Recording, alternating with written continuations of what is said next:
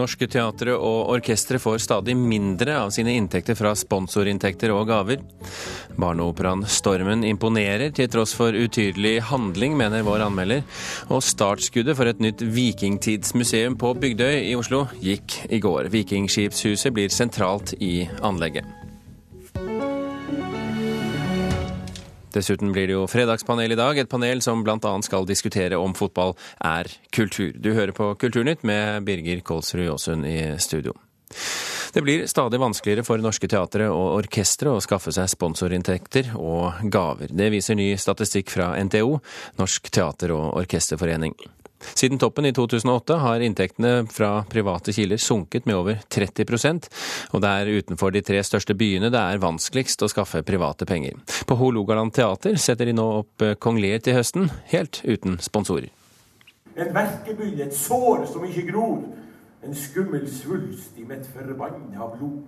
Fullt så dramatisk som livet til kong Lear er ikke situasjonen for Hålogaland teater, selv om stykket skal opp på scenen til høsten.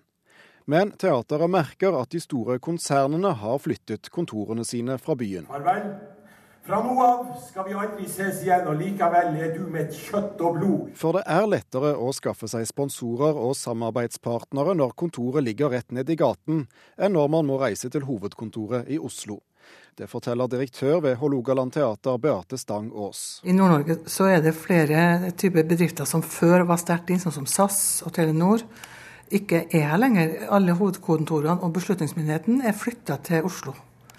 Og, da betyr det at vi konkurrerer jo nasjonalt, eh, i motsetning til tidligere. At vi hadde dem eh, lokalt her, hvor vi hadde et nettverk som gjorde det lettere for oss å komme i et sånt samarbeidsforhold. For den nye statistikken fra NTO viser nemlig det. At når man skal skaffe sponsorer i kulturlivet, så er det lettere å være en stor institusjon i de store byene. Utenfor Oslo, Bergen og Stavanger så er det atskillig vanskeligere. Morten Hjelten i NTO, Norsk teater- og orkesterforening, sier at dette er hverdagen her i Norge, og at undersøkelsen gir et tydelig bilde. Tydelig bilde av Norge, norsk næringsliv eh, og norsk økonomisk eh, virkelighet i disse, disse tabellene. Norge er et lite land, og det publikum ønsker å betale for gjennom markedet, det kan ikke dekke den bredden vi ønsker i norsk kulturliv. Det sier Kulturdepartementets nye statssekretær Bjørgulf Vinje Borgundvåg. Det er vi fullstendig klar over, og derfor er en solid offentlig finansiering viktig og nødvendig. Men vi tror at det er en stor interesse for å øke kontakten med private sponsorer, private investorer, private bidragsytere. Kulturministeren og næringsministeren er i full gang med å øke oppmerksomheten rundt privat kapital i kunst og kulturliv. De har nylig arrangert en kulturnæringskonferanse i Tromsø. Den var proppende full av entusiastiske kunstnere og kulturutøvere. Og den konferansen viser at både, de, både, at deler av kulturlivet allerede er godt i gang med dette her, og at det er stor interesse i andre deler av kulturlivet for å lære mer om det. Men Hjelten i NTO tror den nye statssekretæren er altfor optimistisk. Det, det fins personer i Norge som har en overdreven forventning til hva som er mulig å hente ut av private penger i Norge. Det, det er jeg helt overbevist om. Altså jeg syns jeg hører på jeg, i mange debatter og i avisartikler og, og det slike, så ser man uh, at iblant snakkes om, om at er, her er det penger som man bare kan hente ut dersom man bare gjør jobben sin ordentlig på institusjoner. Jeg tror ikke det er sant. I Tromsø er det slik at teateret kun setter i gang de store sceneoppsetningene de gangene de har lyktes med å skaffe seg penger utenfor den statlige grunnfinansieringen. Og statistikken fra Norsk teater- og orkesterforening, som viser at det blir stadig vanskeligere å skaffe private sponsorer, den bruker de som et varsko. Dette er et tegn i tiden. Vi ser jo hvordan de har det ellers i Europa. Eh, hvor de har hatt finanskrise, hvor kulturlivet har lidd. Så det at vi øver oss litt på sånn type tider, det tror jeg ikke er så dumt. Du hørte til slutt her eh, direktør ved Hålogaland teater, Beate Stang Aas. Reporter, det var Thomas Alvarstein Ove. Og så hørte du selvfølgelig Christian Figenschou som kongler i starten av reportasjen.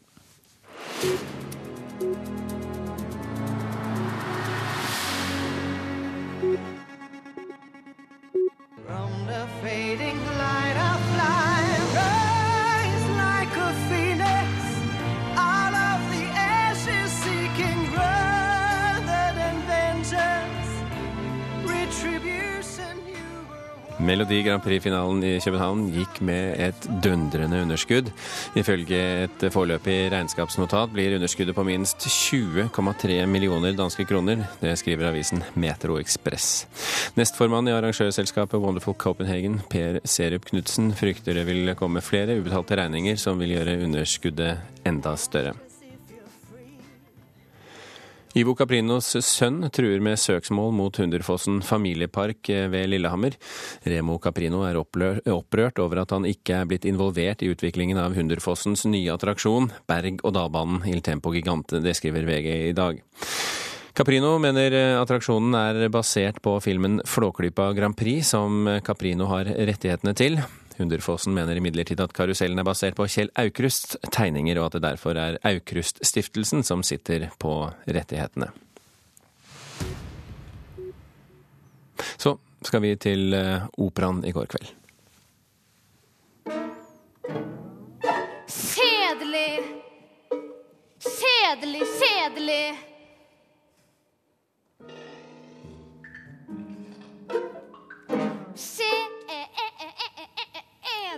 Det er altså hovedpersonen Miranda som kjeder seg voldsomt her i åpningen av barneoperaen Stormen. Og spørsmålet vi skal stille de neste minuttene her på P2 er om også publikum på Det Norske Opera i går kveld eh, kjedet seg. Dette er den første forestillingen der barnekoret og ballettskolen ved Den Norske Opera spiller sammen i en hel forestilling. Og musikkritiker her i NRK, Øystein Sandvik, hva syns du om forestillingen som helhet? Du, Det er veldig mye bra med denne forestillingen. Dette er jo en gjennomkoreografert opera. En slags blanding av opera og ballett.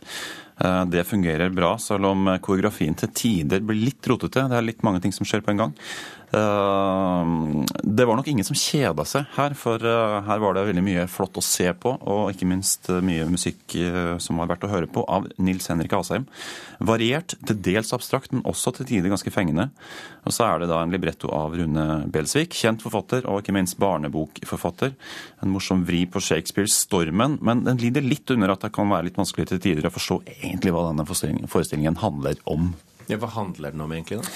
Ja, Den er løst basert på 'Stormen' av Shakespeare, og den forteller da denne historien om Miranda som er strandet på en øde øy sammen med sin far Prospero, eh, som vi aldri da ser, vi bare aner i bakgrunnen. Eh, og Ferdinand, som da skylles opp på stranden etter et skipsforlis. Dette er for så vidt også Shakespeare. Men vrien er jo da at uh, dette er i grunnen en opera som da forteller historien om hvordan Ferdinand og Miranda, to barn, grensen mellom barn og ungdom, uh, først misforstår hverandre, før de da finner hverandre igjen til slutt. Så i grunnen en slags forelskelseshistorie, selv om den fortelles på et ganske sånn abstrakt og symbolsk nivå.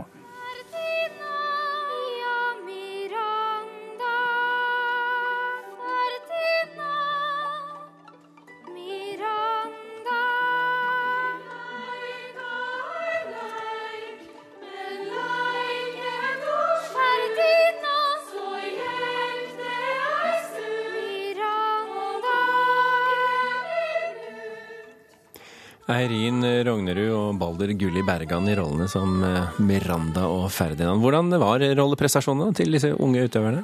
Du, Det er eh, utvilsomt det mest imponerende med denne forestillingen. Eh, de barna som befinner seg som, på scenen, de imponerer virkelig. Dette er jo krevende musikk å fremføre, jeg er virkelig dypt imponert over de to hovedrollene her. Uh, og så er det et dobbelt sett med hovedroller. så Det er et dansende par og et syngende par. Det fungerer også utmerket. Det er mange flotte danseprestasjoner. Også veldig imponert over koret, som eh, har eh, nok å gripe tak i i denne musikken til Nils Henrik eh, Asheim. Og så er det et juniororkester fra Barrat Due. Man hører at de ikke er kanskje vant til å spille samtidsmusikk, først og fremst. Det blir litt stivt og litt nølende, men det er godkjent tatt i betraktning at dette er ungdommer. Men dette her er ikke Miley Cyrus akkurat. Hvem er det som har glede av å gå og se denne forestillingen? Så jeg tror nok til syvende og sist at den appellerer kanskje vel så mye til eh, de stolte foreldre som til barna. Men den passer nok kanskje best da, til eh, barn nettopp i brytningen mellom barn og ungdom, da, som kan identifisere seg med det som skjer her. altså Det liksom å ikke eh, synes det er noe morsomt å leke med de gamle lekene lenger, og begynne å fascinere seg over personer av det andre kjønn og den første forelskelse og sånne ting. da. Så hva skal vi konkludere med? Nei, altså det er, en, det er en visuelt flott og fargerik forestilling som kanskje til syvende og sist fascinerer mer enn den griper og berører. For det er eh, verken store eller små ler eller gråter så veldig mye i løpet av denne forestillingen. Eh, og For å oppnå det da, så hadde de kanskje kjent på å tydeliggjøre historien litt mer. Altså Det tar litt, litt for lang tid før det liksom blir noe sånn der, en slags narrativ driv. Uh, og Når det gjelder musikken til Nils Henrik Asheim, så, så syns jeg den er, den er, variert uten å bli sprikende. Han skriver godt for koret, effektivt for instrumentalensemble, men jeg savner noe i musikken han skriver for vokalsolistene. Altså Der hvor det er litt ansatser til arier, duetter, så blir det litt mye sånn små repeterende vokalfraser hele tiden. Så jeg kunne tenke meg, jeg, kunne, jeg skulle ønske meg at Nils Henrik Asheim prøvde å skrive en god melodi uten å miste sin integritet. Du får ønske, du får ønske deg det til jul, Øystein Sandvik. Tusen hjertelig takk for at du kom til Kulturnytt. Vi, vi, har litt tid til litt mer.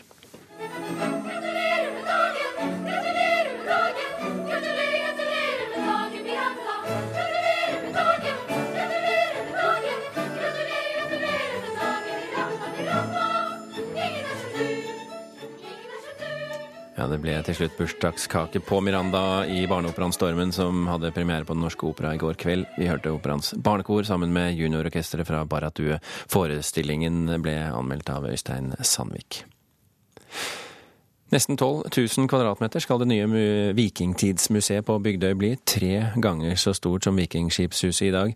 Det blir eh, arkitektkonkurranse, men de konkurrerende arkitektene må inkorporere dagens vikingskipshus i det nye anlegget. Og museumsdirektør ved Kulturhistorisk museum, Håkon Glørstad, har store ambisjoner for det nye museet. Forum Romanum og Colosseum osv. Man kunne nevnt mange slike praktfunn eller praktsteder som utgjør en del av verdensarven. Vikingskipene her i Oslo er del av samme elitesjikt. Han får applaus for visjonene sine og legger fram planene for et anlegg som er tre ganger så stort som dagens museum. Det som vi kommer til å gjøre her, er at vi vil bygge opp en ramme rundt vikingskipene, der vi vil ta alle de andre spennende funnene vi har fra vikingtid her i Norge, og sette de i sammenheng med skipsgravene, men også fortelle nye og spennende historier om akkurat denne perioden av Norges fortid. Der vi ikke bare vil sette de inn i en nasjonal sammenheng, men også en global sammenheng. For vikingene er faktisk de første menneskene vi kjenner til som seilte på alle de fem havene som omgir Europa. Det inviteres til arkitektkonkurranse, men startskuddet for det nye Vikingmuseet gikk i går kveld. Da rettet museet opp en gammel synd. Til cellotoner fra Katarina Hage Saltnes ble en minnestein i Larvikit avduket i museet. På den sto navnene på de private borgerne som bidro med store summer til utgravningene av nasjonalskatten. Mille Marie Treskov har to av sine forfedre på minnesteinen. Den ene er min farfar, Fritz Treskov. Eh, og den andre er da eh, Fredrik Treskov, som var bror av min oldefar.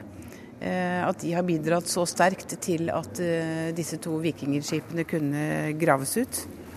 Og at de nå har, at nå har kommet på, på, trykk her på Vikingmuseet, det, det er jeg veldig stolt av. På plaketten er det plass til mange flere navn. Private sponsorer er velkomne når det nye museet skal innvies, sier både styret og museumsdirektør Håkon Glørstad. I dag er dette vikingskipshuset. Det som skal komme her, er Vikingtidsmuseet. Og ikke bare et, et, hvilket som helst vikingtidsmuseum. Dette skal være vikingtidsmuseum. Hvis du bare skal se ett vikingtidsmuseum i hele ditt liv, så skal du dra til Oslo og se museet her. Hva må dere gjøre for å bevare disse veldig skjøre gjenstandene? All utbygging medfører en viss risiko. Og vår jobb er jo å gjøre den risikoen så liten som mulig. Men det vi må også huske på, at hvis vi ikke hadde gjort noen ting, så ville det vært en enda større risiko. Så her vi, føler vi oss ganske trygge på at dette skal vi kunne greie å håndtere. Det sa Glørstad ved Kulturhistorisk museum. Han håper altså at det nye Vikings, eh, Vikingtidsmuseet skal stå ferdig senest 2020. Reporter her, det var eh, Tone Staude. Klokken er kvart over åtte, du hører på Kulturnytt, og dette er toppsaken i Dagsnytt nå.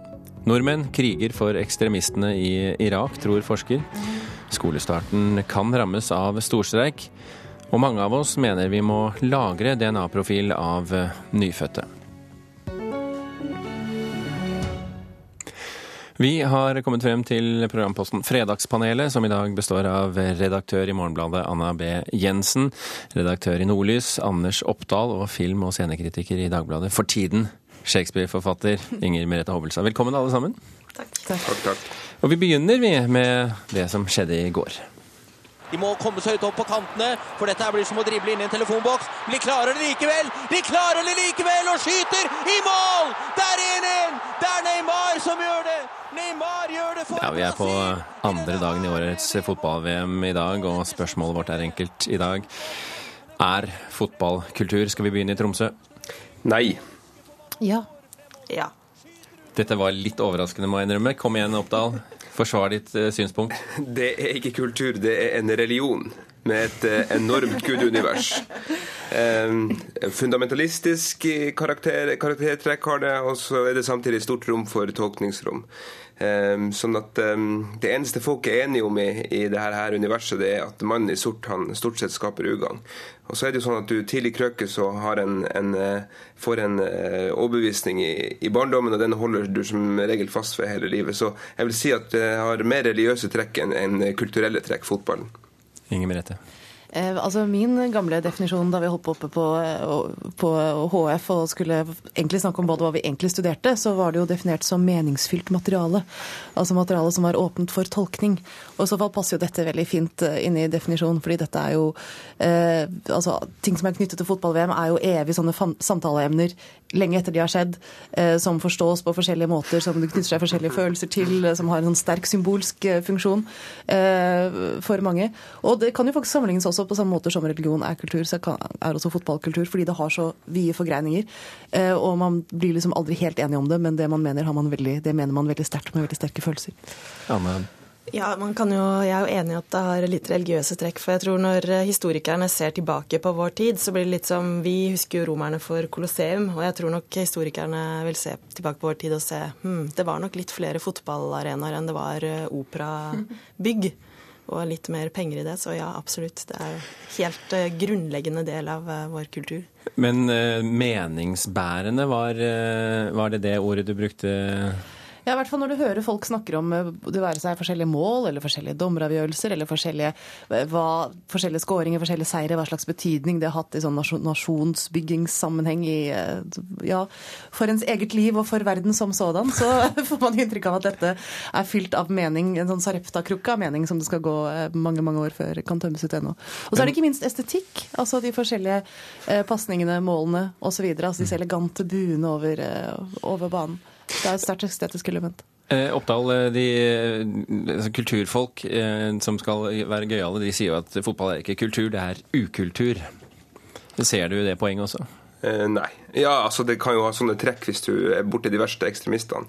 Da kan Man jo også, det, man kan peke på det samme i religiøs sammenheng og definere det også bort fra å være, fra å være sunn religion eller ureligiøst, på en måte. Så, eh, så men nei, jevnt over så tror jeg folk egentlig har et sunt forhold til det. Og jeg er jo enig, hvis jeg skal være litt alvorlig, at det er kultur. Det gjennomsyrer um, fryktelig mye av, av samfunnet. og uh, Begge kjønn etter hvert også. Det legger i hvert fall jeg merke til. Vi satt i går uh, hele gjengen hjemme, både, både menn og kvinner foran eh, foran, foran TV-apparatet, alteret, vil jeg si, og fulgte med. og det, ja, det er kultur. Mye, som, mye rundt det også, et stort samtaleevne som preger lunsjbordene. Og det blir altså dette kommer til å prege lunsjbordene i fire uker fremover, så vi setter strek for vår del her. Så går vi på neste spørsmål. NRK avslørte denne uken at Stortinget har leid inn en PR-rådgiver som også er assosiert partner for firmaet First House. Ja, det syns jeg er helt uhørt. Stortingets administrasjon det er en kompetent organisasjon. Hvis de ikke har ansatte som er gode nok, så må de skaffe seg det. Jeg syns det er uhørt at de skal eh, måtte eh, blande First House inn i sin interne virksomhet.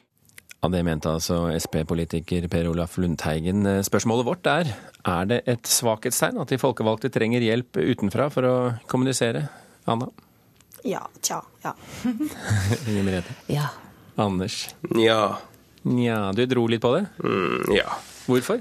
Nei, altså, Stort sett så syns jeg at PR-økonomien er overdrevet. Og jeg har lest eh, flere notater produsert av de her selskapene, og forfattet av skikkelig kjente folk også.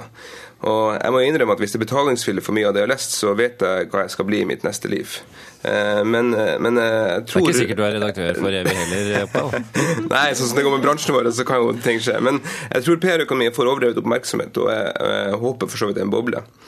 Samtidig så skjønner jeg at enkelte politikere i, i dagens medievirkelighet, som er komplisert og går fort, trenger råd. Sånn at, sånn at Men altså, det er jo ikke kommunikasjonsegenskaper som har gjort at du har fått tillit av folket. Men jeg tenker at hvis målet med den hjelpa du får, og den er på en måte fornuftig, og den hjelpa er god, og den brukes til å gjennomføre vedtatt, demokratisk vedtatt politikk på en effektiv måte, ja, så, så kan det være tilfeller hvor det går bra. Men all annen bruk er tvilsom, og, og det, det fortoner seg jækla dyrt, rett og slett. Jeg tenker jo at uh, First House problem ikke egentlig er verken uh, Harald Stange eller Aftenposten eller NRK. Det er rett og slett House of Cards. Fordi når uh, denne Netflix-TV-serien For når jeg hører og ser og leser historien om First House, så tenker jeg bare på han han spinndoktoren Remy Danton som har gått fra liksom å være rådgiver til å bli sånn skikkelig slu lobbyist. Og jeg greier ikke å tenke noe annet når jeg ser ser på Bjarne Håkon Hansen eller noe. Bildene på First House-hjemmesiden også, de ser ut som de har modellert seg på First House med det utrolig høykontrast, denne sort-hvitt-bildene, sånn gravalvorlige blikken ja. inni kameraet. Og så, så har de en veldig eh, sentrifugalkraft, nei, holdt jeg på å si, en, en, veldig tiltrekningskraft på seg. fordi at vi skulle jo snakke om Stortinget her, ja. men sannelig snakket vi ikke om First House likevel. Ja. Men det er noe med, og så tenker jeg at eh, hvis man skal tjene veldig mye penger i dag, så kan man enten gjøre ting mye enklere enn de er, eller gjøre ting mye vanskeligere enn de er. Eh, man kan si at kom til meg, så kommer du til å miste, gå ned 15 kilo i vekt og tjene penger på kjempekort tid. Og så kan man tjene penger på det, eller så kan man si at du, kommunikasjon er kjempevanskelig, og du kommer ikke til å vite hvem du skal snakke med, hva du skal gjøre, og hvor du står eller går, og du kommer ikke til å huske hva navnet ditt er. Så du må betale meg veldig mye penger for å snakke på dine vegne. Og jeg tror kanskje begge deler er litt feil, og her også tenker jeg at dette er litt sånn Stortinget også kanskje gjør en slags overvurdering av hvor vanskelig dette er da, å nå ut med ting. Og at dette er noe man fint kunne eh, klart med habile, kompetente ansatte uten å koble inn eh, dyre, veldig dyre House of Cards-poserende mennesker. Altså Spøk til side så tenker jeg det er problematisk at uh, folk som nettopp har vært folkevalgte, f.eks., som en del av First House-staben har vært, går over og selger de tjenestene igjen. Og, og, gjør det på en måte som gjør at vi ikke helt vet hvordan Nei, nå snakker vi om First House igjen. Ja. vi skulle snakke om Stortinget. Nei, dette er altså så uregjerlig at jeg er nødt til å hoppe til neste spørsmål. Vi er enige med at eh, Skal vi konkludere da at Stortinget kan få lov til å bruke kommunikasjonsrådgivere utenfra hvis det er greit? Var det sånn jeg forsto dere? Vi skeptiske. Vi er vel egentlig skeptiske. Ja. Du, skal, du, skal, du, skal, ikke avskrive sunn fornuft heller, altså. Det er gratis. Ja, okay. Ja, eh, la oss si det. Vi går til neste spørsmål. En eh, av eh, fire Foreldre vil gjerne spore barn med GPS. Det viser en ny undersøkelse. Både Datatilsynet og Barneombudet er bekymret for barns privatliv. Barn er små og nysgjerrige vesener. De skal få lov til å gjøre sine små krumspring og ta en ekstra vei hjem, eh, kanskje besøke en hemmelig kjæreste, hva det måtte være, uten at foreldrene skal vite om det. Vi stiller følgende spørsmål. Er overvåkingssamfunnet i ferd med å gå for langt, Inger Merete? Eh, ja. Anders? Ja. Anna? Ja. Dette var unisont. Mm. Mm. Er det noen som har lyst til å kaste seg på og forklare hvorfor? Eh, vel, Jeg kan komme med det lille forbeholdet, hvert fall, for jeg tenker det er et lite forbehold her. For når du hører folk snakke om denne spesifikke saken, så her var det snakk om ja, men tenk når de får seg kjæreste og venner og skal utforske livet litt på egen hånd. Eh, men jeg tenker at når, når du er to eller tre år og går deg vill på et kjøpesenter, da kan det jo ha en effekt. Altså Hvis barn er såpass små at de ikke har, i hvert fall ikke har hemmelige kjærester og har problemer med å huske hvilken butikk mamma var i, så ser man jo at dette kan være et veldig nyttig redskap. Utover det så høres nok dette litt eh, storebror, store mamma ser deg ut. Jeg tenker at det er helt eh, latterlig og bare en eh, tåpelig erstatning for liksom reell omsorg og, og, det å faktisk passe på hvor barna dine er når de er så små at de kan gå, på, gå seg vill i kjøpesenteret. Men når det gjelder litt større barn, så tenker jeg at eh, vi heller på en måte allerede koloniserer eh, tiden deres og, og med fritidsaktiviteter og sånn. sånt. Det der å plutselig bare henge på løkka eller, eller ja, forsvinne litt, det er Jeg tror det kanskje er et sånt uh, område som er i ferd med å, å, å ja, forsvinne fra, fra oppveksten. Da. Er det sånn i Tromsø også, Oppdal? Jeg tenker at barna skal få lov å leke. Og jeg tenker at det her handler egentlig om, om tillit. Altså, Du lærer deg tillit fra du er for liten. Den tilliten må du fortjene, og du må lytte til dine foreldre. Samtidig så med å bruke teknologi og sånn, så, så tildeles vi foreldre en sovepute. Og, og jeg, mener, jeg, tror at hvis vi går for langt med å på en måte dra inn teknologien i hverdagslivet, så, så gjør det oss til, til, mer late foreldre, rett og slett. Så jeg tror ikke det er en god idé, ikke for de minste heller. Altså, jeg tror rett og slett at det bruker sunn fornuft å ha åpne øyne og ører og følge med hvor ungene er. altså På den gode, gamle måten. Eh, teknologi er bra, men, men bare hvis det brukes på riktig måte. Du er en veldig tilhenger av sunn fornuft? Ja, jeg er det. I dag i hvert fall.